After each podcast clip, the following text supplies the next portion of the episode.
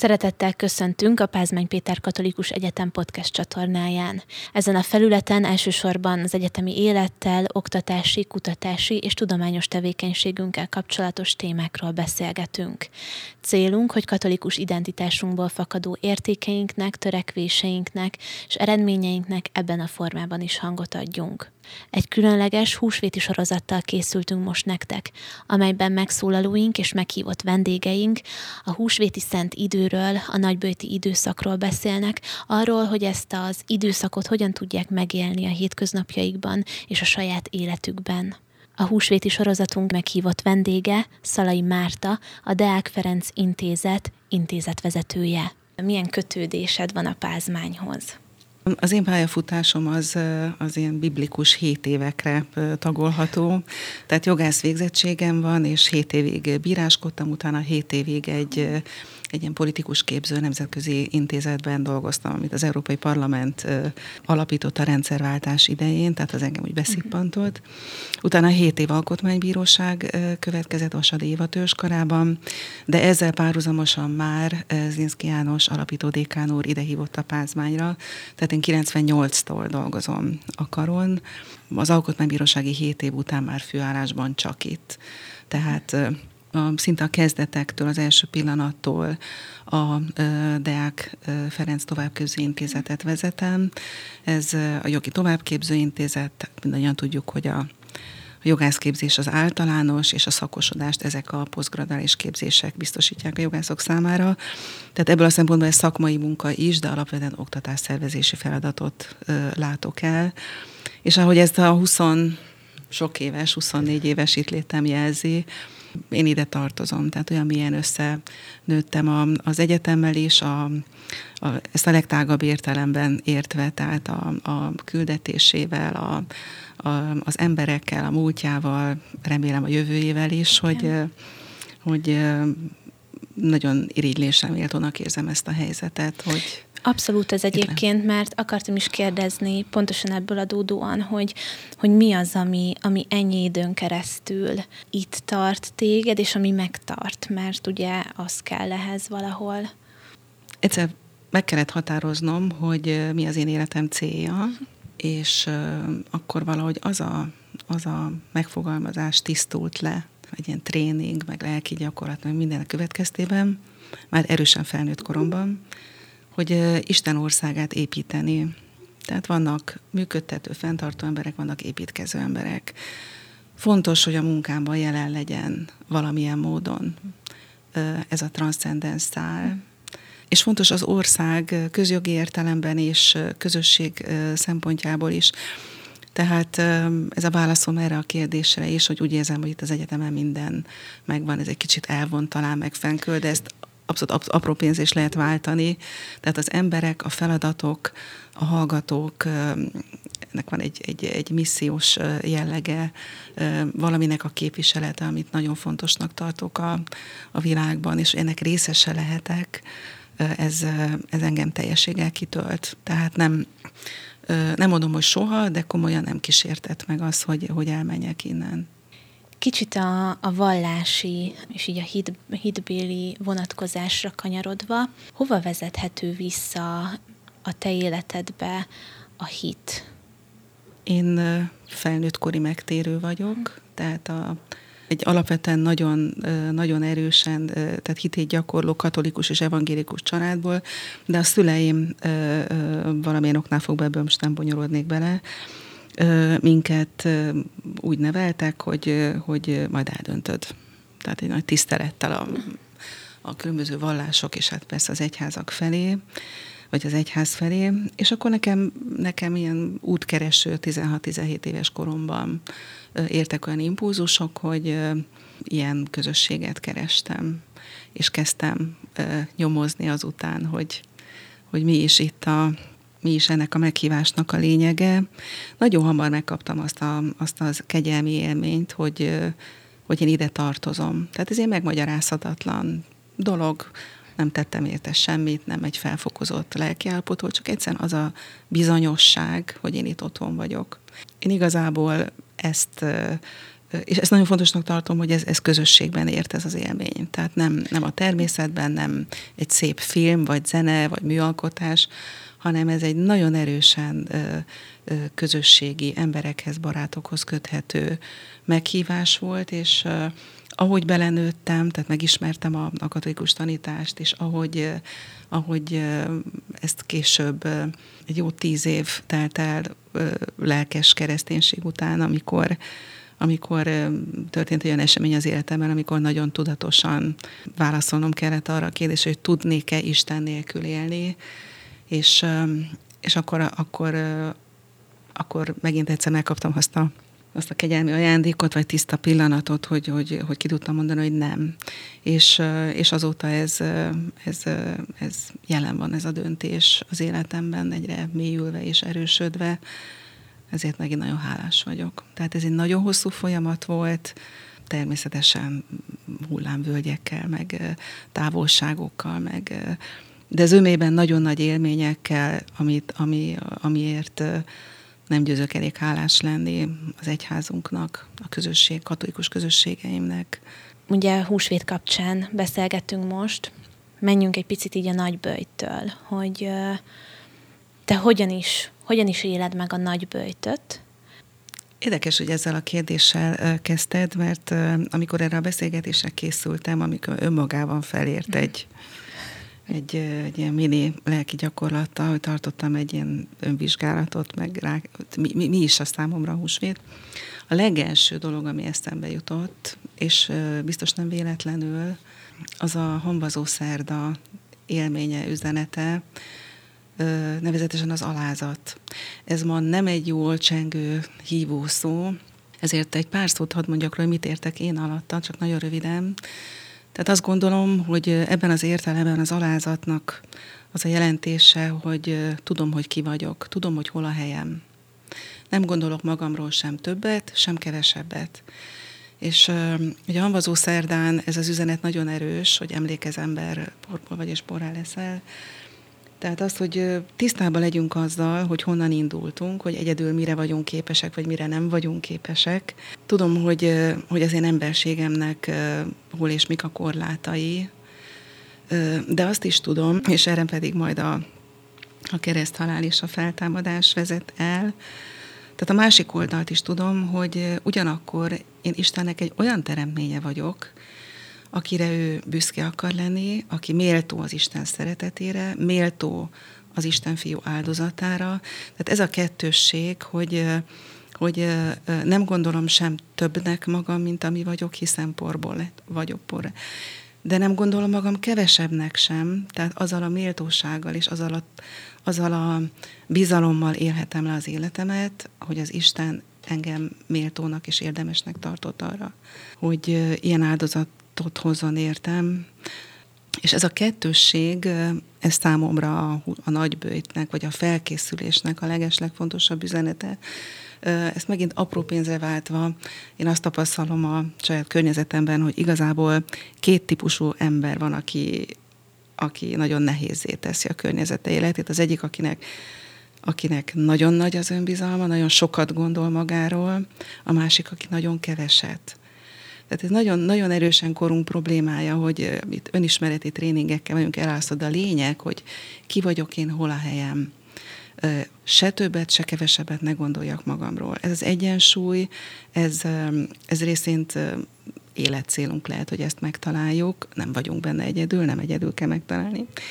Ugyanakkor ez egy nagyon inspiráló és termékeny kettősség. Tehát, hogy mire gondolok, Ugye Szent Ignác mondta mindig, ha belevágok egy feladatba, akkor sose vál, nagy feladatba, ez nagy döntésekről van szó, sose vágok olyan feladatba, amiről tudom, hogy egyedül meg tudom csinálni. Csak olyat, ami, amihez tudom, hogy a kegyelem is kell. Tehát kellek hozzá én is, mert tudom a határaimat, ezért kell hozzá a kegyelem is. Tehát ez a, ez a gondolat, hogy az egyetemhez kapcsoljam, itt nem lehet nem megemlíteni két ö, ö, ö, kollégát. Ugye Zlinszki János alapító dékán úr, ö, rengeteg ö, legenda történet ö, kering róla, és őrizzük ö, ö, szeretettel az emlékét. ahogy cigaretta szed a folyosón a hallgatók után, ez már-már tényleg ilyen ikonikus történet. Az én szememben ő volt az, aki ezt az egyensúlyt, tehát az alázat, hogy tudom a helyem, nem gondolok magamról többet, de felismerem azt a küldetést, azt a kiválasztottságot, amire engem Isten most rendelt. És ő igazi hitvallóként ezt meg is vallotta nem egyszer. Őt, őt talán az egyik leghitelesebb embernek tartom, akit ismerek ebből a szemszögből is. A másik, aki, akire nagyon fontos, hogy hogy elhangozik a neve, az Vasadi Éva. Ő is alapító DK helyettesünk, a pénzügyi tanszéket vezette, majdan alkotmánybíróként. Az ő élete is erre példa. Nagyon sokáig dolgozhattam mellette, ez is megadatott, hogy a közvetlen közelről láthattam, hogy milyen az, amikor valaki a legnagyobb szerénységgel és alázattal felelősséget vállal önmagáért, korlátaiért, erősségeiért, azért, hogy másokat szolgáljon vele. Tehát az alázatnak, ennek a nem megalázkodás, hanem ennek a kettősségnek a, a termékenysége az ő életének a, a legfőbb jellemzője. Tehát, hogy csodálatos, milyen ut, életutat lehet bejárni ezzel a harmóniával, ha valaki ezt meg tudja tartani. Ebben az időszakban, a hétköznapjaidban, hogy tudsz készülni mondjuk ugye van a nagyböjti időszak, és utána ott van a, a, a Szent Három nap. Hogyan, hogyan készíted magad? Rám amúgy is jellemző egyfajta tudatosság, uh-huh. tehát általában fejjel élem az életemet. Éppen ezért nagyon fontosnak tartom, hogy, hogy ez a nagybőti időszak ez ne egy, egy sodródás legyen. Szerencsére itt nincs meg a karácsonynak a kapkodása, rohanása, vásárlás. Tehát van időnk felkészülni lélekben. Én a magam számára hát nagyon sok, sok tíz éve uh, tudom tartani, hogy ilyenkor valamilyen módon egy lelki gyakorlaton részt veszek, vagy egy hosszat, ez a hétköznapok lelki gyakorlat, ez azért nagyszerű, mert ez négy-öt héten keresztül tart, munka mellett is végezhető, és mégis nagyon segíti a felkészülést. Tehát ezt mindenkinek nagyon-nagyon javaslom, hogy hogy, hogy szánja rá az időt, a, a minőségi időt arra, hogy hogy az ünnepre a lelkét már előkészítse, és, és hogy tudatosan élhessük meg, hogy mi történik húsvétkor. Tehát szép a liturgia, szép az együttlét, de ott valami nagyon fontos történik, és ne csak belecsöppenjünk, ezért én például nagyon-nagyon hiszek abban, vagy az én tapasztalatom az, hogy a lelki gyakorlatok ebben segítenek. A másik, ami, amivel ö, hát nem vagyok túl jóba, ezek természetesen a bőti, különböző bőti gyakorlatok, és ugye nem feltétlenül a, az ételtől való tartózkodásra gondolok, hanem, hanem megint annak a, annak a tudatosítása, hogy, hogy hol is tartok én, ki vagyok én. És ezek a feladatok szóbőjt, elhanyagolt ügyek, rokonok látogatása, keserves helyzetekbe való tudatosabb beleállás. Tehát ezek, ezek mind-mind a barátaink abban, hogy segítsük, hogy meg erősödjünk abban, hogy hol vagyok ki vagyok én valójában, és ki az, akinek csak álmodom magam, vagy gondolom magam. Tehát segít abban, hogy én nagyon lecsupaszított emberként állhassak majd oda a Szent Három nap elé. Az egyetem, tehát a munkád, hogy tud-e segíteni úgymond ebben az időszakban? Konkrétan a húsvéti felkészülésben egy, egy konkrétumot tudnék mondani, az a, ezek a rendszeres szentmisék, illetve korábban voltak tridumok, amik, ha nem is katekézis mélységgel, de, de, de segítettek, de megállítottak egy pillanatra. Amiben engem segít a pázmány, és ez, ez a második pont lett volna a húsvéti, tehát az alázat mellett az a közösség, és, és erre szívesen rá is térnék, jó? Akkor, hogy mit értek Nyugodtan, ez alatt? Igen. Tehát, hogy mit is jelent a húsvét az alázat mellett. Számomra a közösséget jelenti és jelképezi nagyon erőteljes módon. Hát legelőször mindenek előtt azért, mert, vagy azzal, hogy hogy az Isten fiú elment egészen a határig, a legvégéig, amit valaki adhat a másiknak, hogy közösséget vállaljon velem, és és ezáltal én is közösségbe kerüljek vele. Tehát ez egy kicsit olyan, mint, a, mint, a, mint az anya-gyermek kapcsolata, hogy lehet az a kapcsolat kiüresedett, vagy száraz, vagy távoli, de soha többé nem mondhatja azt egy gyermek az anyára, hogy ő nem az anyám többé. Tehát egy olyan kötelék jön létre, vagy jött létre az emberek közöttem és, és az Isten között ezzel a, a kereszt halállal, ami, ami elszakíthatatlan. Tehát, hogy az Istenhez tartozás közösségét újra és újra húsvétkor átélhetem, és ez, ez nagyon, nagyon erősítő és megtermékenyítő minden drámai környezetével együtt. És ehhez kapcs- szorosan kapcsolódva az emberekhez való közösséget is erősíti. Tehát egy liturgián való részvétel, ugye mi Pasaréthez tartozunk, már a családommal, és nagyon-nagyon erős kötelék ugyanazzal a néhány ezer emberrel találkozni, három napon keresztül együtt végigmenni ezen az úton, egy keresztutat közösen végigjárni. Tehát nagy, nagyon erősen megélhetjük azt, hogy, hogy az életünket ugyanarra az alapra helyeztük, ugyanaz a barátunk, ugyanahoz tartozunk. És ez az a momentum, ahol az egyetem az első pillanattól kezdve, tehát az építkezés időszakában talán még erősebb volt, de azt gondolom, hogy más szempontból meg mostanra tehát ez egy folyamat, tehát most is erősödik. Ez a közösség.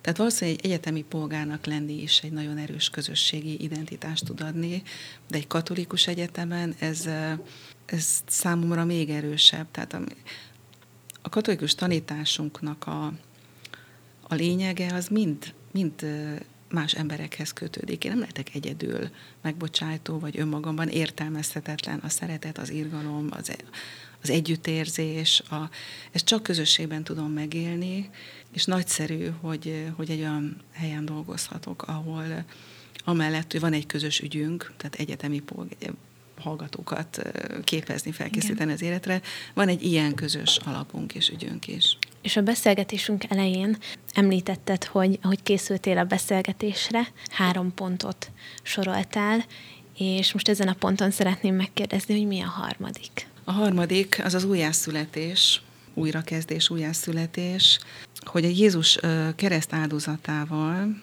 új értelmet nyert az életem és az eddigi része és az előtte levő része.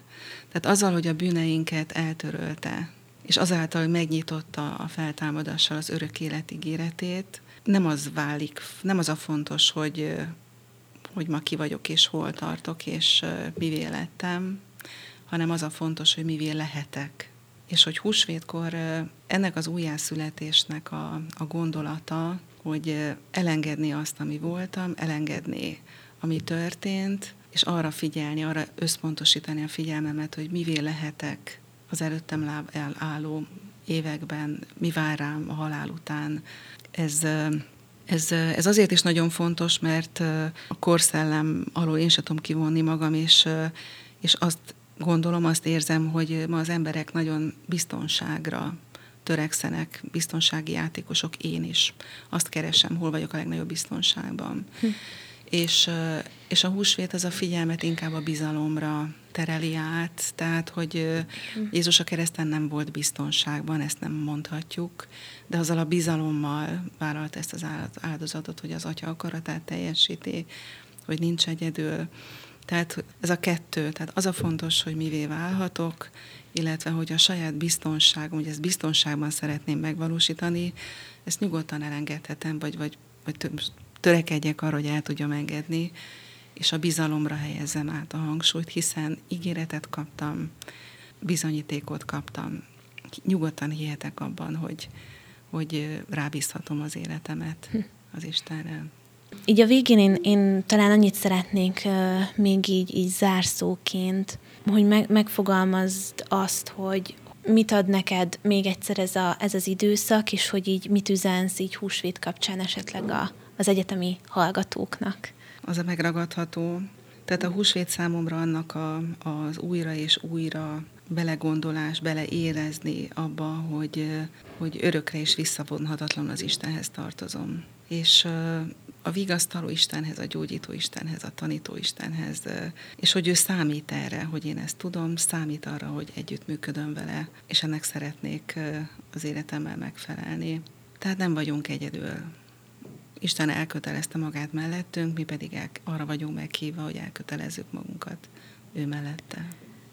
Én nagyon szépen köszönöm neked a beszélgetést. Én is köszönöm a lehetőséget. Köszönöm a beszélgetést, a hallgatóinknak pedig a figyelmet. Kövessétek csatornánk további tartalmait is.